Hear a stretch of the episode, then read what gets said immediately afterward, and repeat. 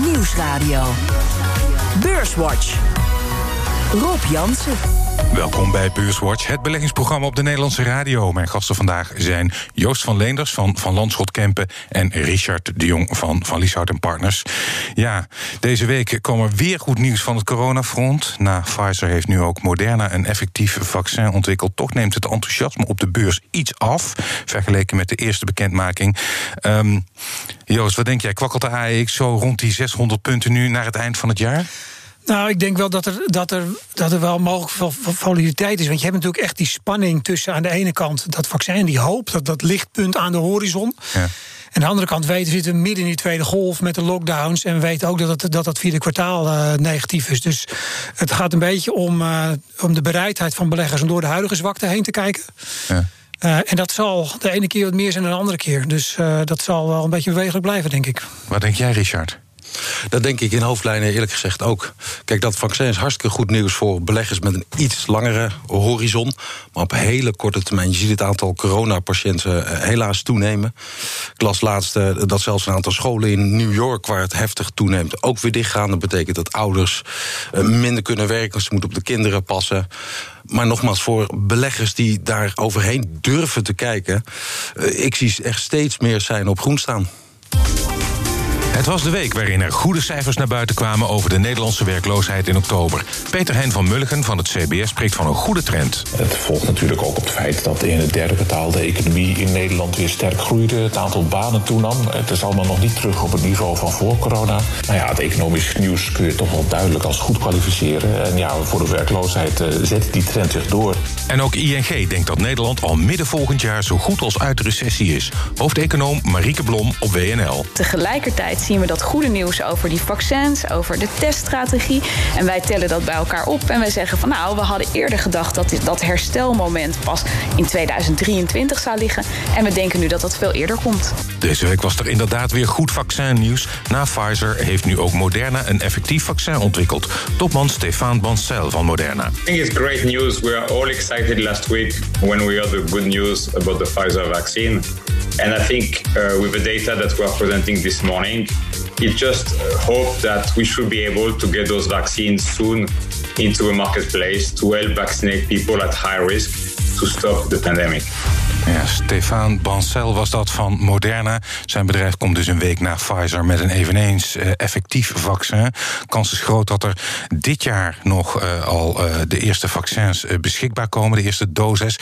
Joost, je had het net over volatiliteit. Wanneer denk jij dat dit de samenleving weer uit de houtgreep van die lockdowns gaat trekken? Want dat is natuurlijk belangrijk voor de economie. Ja, dat, dat, dat hangt natuurlijk vanaf hoe snel dat gaat met het vaccineren. Er zijn natuurlijk allerlei dingen tegen in te brengen. Hè, van het, je, je hebt niet genoeg doses voorlopig. En uh, het ene virus moet in bijna extreem lage temperatuur bewaard worden. Nou, dat is voor ons uh, is dat wel te doen.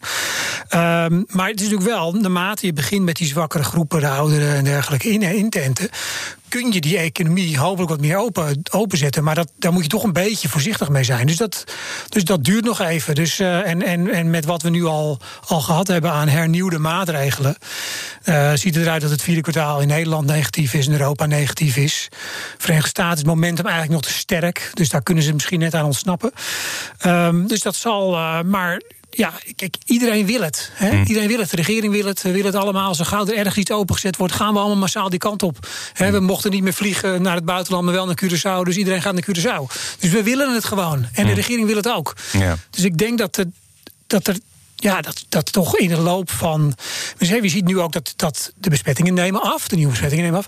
Dus ja, of dat nou december is of januari, februari, dat het toch geleidelijk wel wel wat meer openheid weer komt en dat we iets meer terug kunnen naar een normale situatie. Dat denk jij ook, Richard? Ja, dat denk ik ook. Kijk, nogmaals, voor de samenleving, uh, precies wat Jo zegt, uh, de meeste mensen staan om te springen om gewoon weer normaal naar een restaurant te kunnen, uh, normaal naar een bioscoop te gaan, et cetera.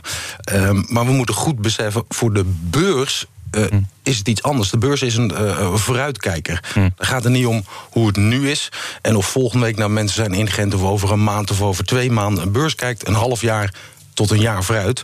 Dus die prijst dit op dit moment eigenlijk al voor een heel groot stuk in. Hm. En daarna moeten we niet, niet vergeten eigenlijk... los van dit geweldige nieuws over dit vaccin... er zijn ook heel veel andere positieve dingen gaande. Te denken valt natuurlijk aan, er is al vaak genoeg hierover gesproken... over de verkiezingen in de, in de VS.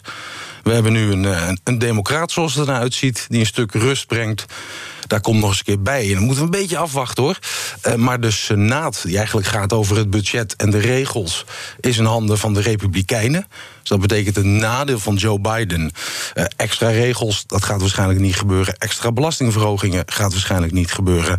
Opbreken van de techbedrijven gaat waarschijnlijk niet gebeuren. Het stimuleringspakket, uh, wat broodnodig is menselijk gezien in de VS, zal een stuk kleiner worden. Maar voor de beurs hoeft dat helemaal niet negatief te zijn. Uh, want we zagen al af en toe op het moment dat het bekend werd... dat de rente omhoog vloog in de VS. Weliswaar vanaf een heel laag niveau, maar toch.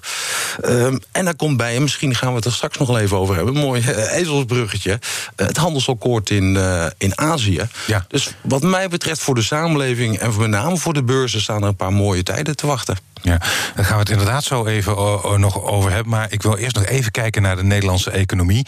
Hè, want we hoorden net al Marieke Blom. Goed nieuws, uh, volgens hun economisch bureau... is midden volgend jaar de Nederlandse economie weer zo goed als op het pre-corona-niveau. Um, Joost, ze gingen uit van 2023, nu al halverwege volgend jaar. Is dat realistisch?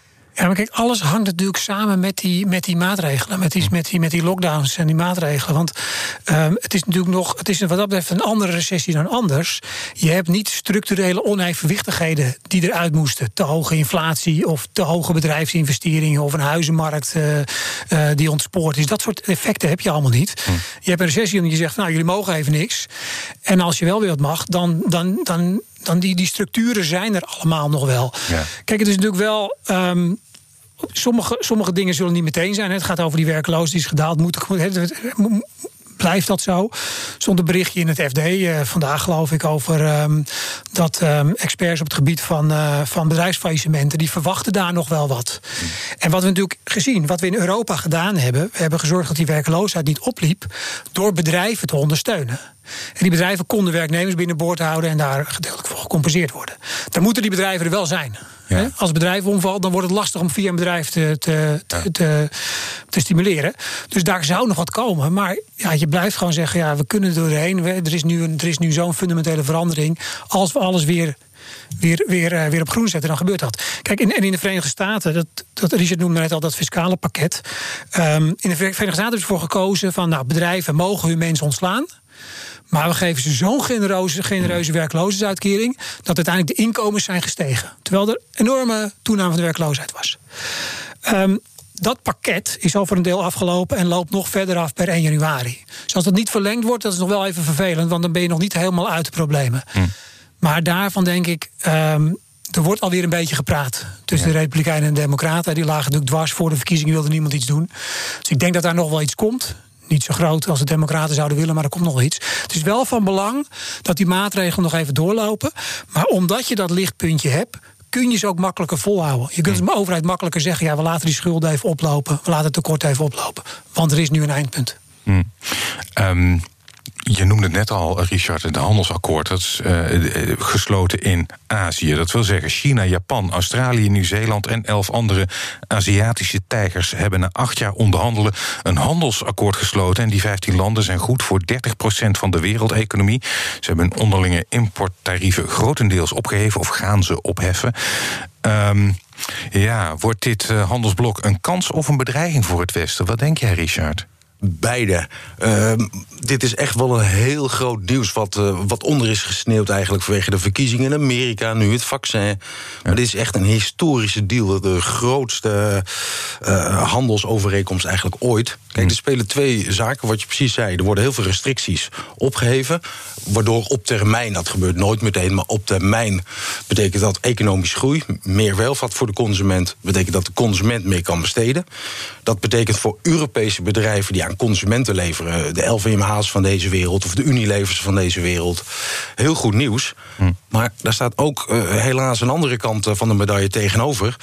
Um, de, ex, de Europese exporteurs die kunnen wel een probleem krijgen. Want er gelden nog steeds handelsrestricties uh, vanuit Azië, zeg maar, voor Europese ondernemingen. Die blijven in principe als er uh, uh, overeenkomsten zijn afgesloten. Daar verandert niks aan. Maar zeg maar, de Aziatische concurrent daarvan zijn er nu minder restricties. Dus die hebben een concurrentievoordeel. Ja. Nou, als je die twee uh, in de hooggoed zou gooien, dan gaan de meeste analisten vanuit dat het een heel klein plusje oplevert voor de Europese economie. Maar de grootste plus is natuurlijk met name voor de Aziatische economie zelf, voor de mensen die daar leven. Joost, ben je het ermee eens? Ja, daar ben ik wel mee eens. Kijk, over het algemeen zijn dit soort. Het, het, het klinkt altijd heel groot, maar um, het is altijd moeilijk om het in de economische cijfers historisch terug te zien. Dat zijn echt lange termijn trends die dan, die dan gaan veranderen. En wat Richard net een beetje aanstapte, stipte, dat is die handels, handelsverlegging, noemen we dat. Hè. Dat is zeg maar, zeg maar, nou, we halen het nu niet meer uit Duitsland, maar uit uh, Vietnam bijvoorbeeld. Maar het is natuurlijk wel zo dat ik denk dat de, de producten die zeker Europa levert aan Azië. Dat zijn hoogwaardige consumentenproducten of hoogwaardige industriële, industriële producten. Um, ja, ik, ik weet niet of daar heel veel concurrenten al van zijn op hmm. dit moment. Dus, dus, dus dan heb je wel. Het zou wel gunstig zijn om het uit een, uit een Aziatisch land te halen, maar er is, het is er niet. Mm. Misschien Japan, hè? dus Japan, China, dat is natuurlijk, dat is natuurlijk vrij ongekend dat er zoiets uh, gebeurt. Dus daar zou, zou wat, uh, wat, uh, wat handelsverlegging naartoe kunnen, kunnen plaatsen. Dus die groei is wel belangrijk. Op lange termijn krijg je natuurlijk wel een economisch blok erbij. en zeker China, wat gewoon minder afhankelijk wil worden van het Westen. Dus op, op lange termijn is dat misschien een bedreiging voor Europese bedrijven. Voor beleggers moet je natuurlijk heel erg kijken. Um, ja, is het een bedrijf wat vooral profiteert van toenemende groei in de regio? Hm. Of is het een bedrijf wat er opeens concurrenten bij krijgt? Want dat hm. gebeurt natuurlijk ook. Ja. En die details die weten we gewoon natuurlijk nog niet te vroeg om uh, te beoordelen dus. En wat natuurlijk wel goed is, de meeste beleggers die spreiden hun vermogen. Dus je belegt niet alleen maar in Nederland of alleen in Europa. Mm. Als het goed is, beleg je ook een stukje van je portefeuille in emerging markets of in Azië. Ja, waarschijnlijk heeft het op langere termijn gunstige gevolgen voor de beurskoersen. Ja. U luistert naar Beurswatch met Joost van Leenders van Van Landschot Kempen en Richard de Jong van Van Lieshout en Partners. Voor we verder gaan maken we even de balans op van de afgelopen week. De AEX die sloot vandaag op 601,6 punten, dat is 0,8% hoger dan vorige week. Stijgers.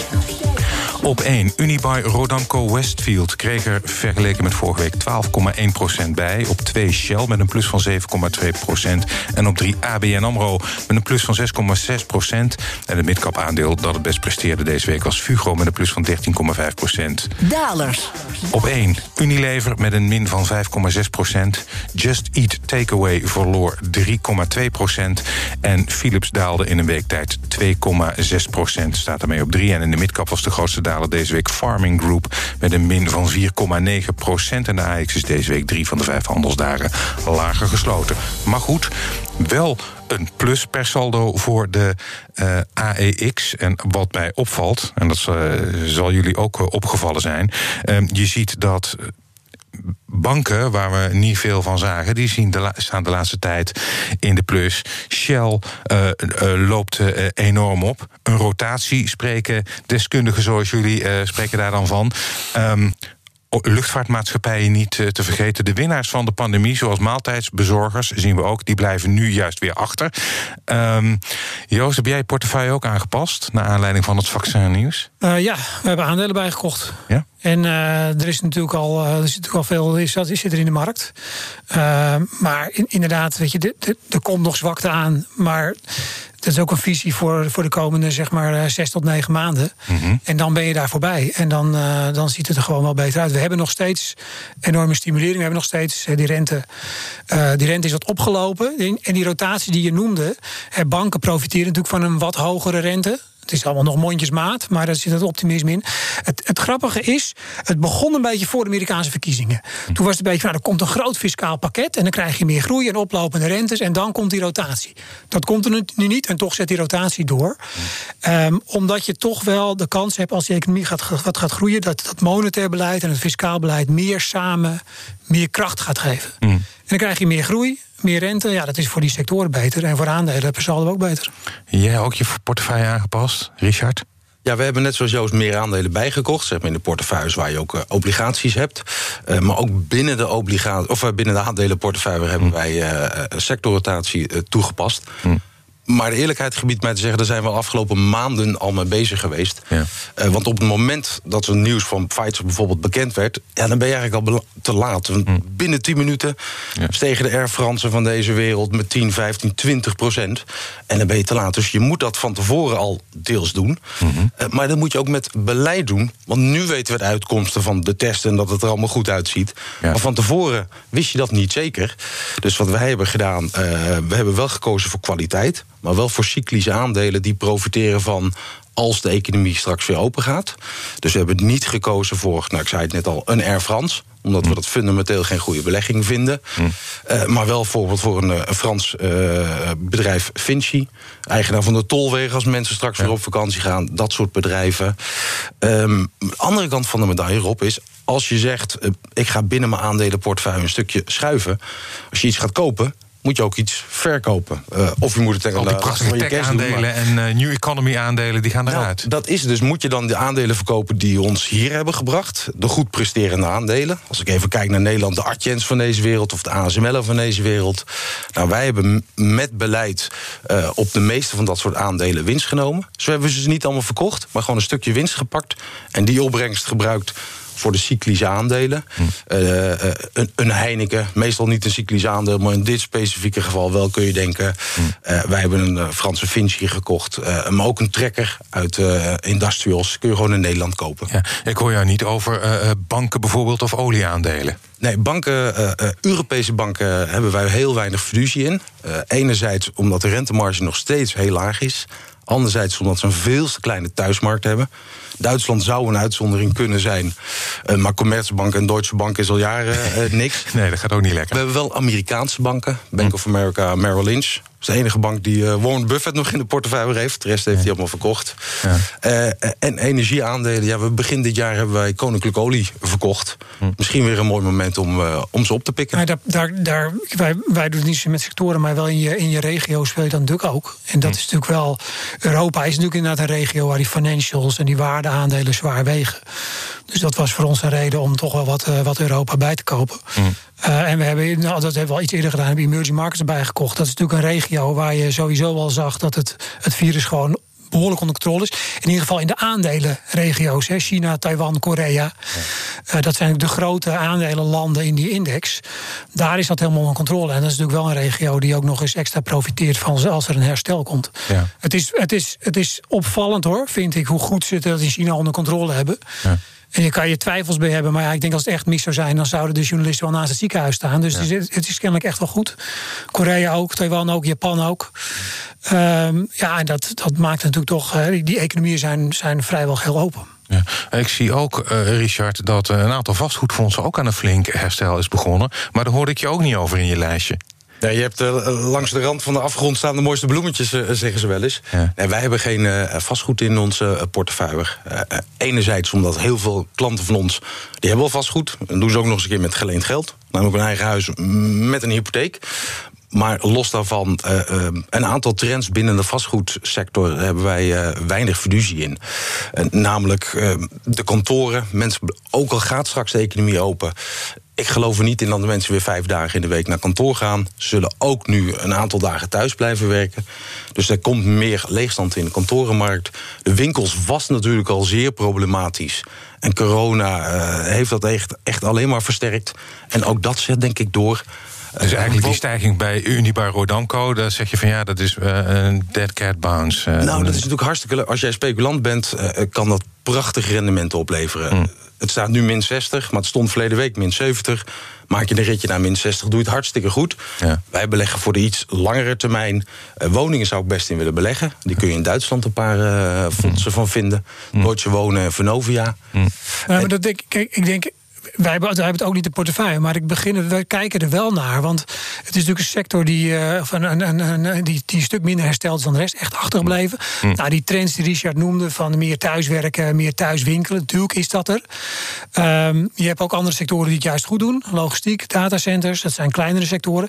En de woningsector is, is, is behoorlijk groot hè, daarin. En het is, het is ook opvallend, wereldwijd, hoe goed die woningmarkt het blijven doen. Hè? Ja. Verenigde Staten, die woningmarkt die gaat als een tierenlier. En dat heeft natuurlijk, dat kan je zeggen, ja, die rente is laag, maar het is toch opvallend in zulke onzekere tijden. En ook in Nederland. Hm. Dus dat is, dat is best een interessant deel daarvan. Dus wij hebben nog niet, maar als je wat meer groei krijgt en ook als je de kans of het gevaar wat meer inflatie krijgt. Hè, dat is vaak, dat is ook wel, daar, daar reageert vastgoed ook wel eh, wat goed op. En de rente blijft laag. Dan wordt het wel interessant. Maar we hebben de stap ook nog niet genomen. Maar um, ja, gezien waar die sector staat. Wat je misschien bij de woningen heel goed ziet, Joost, in, met name in de VS, dat geldt hier minder. We zijn toch iets minder flexibel. Heel veel mensen zijn vanwege corona uit hun appartementje in New York City of waar ze ook mogen wonen.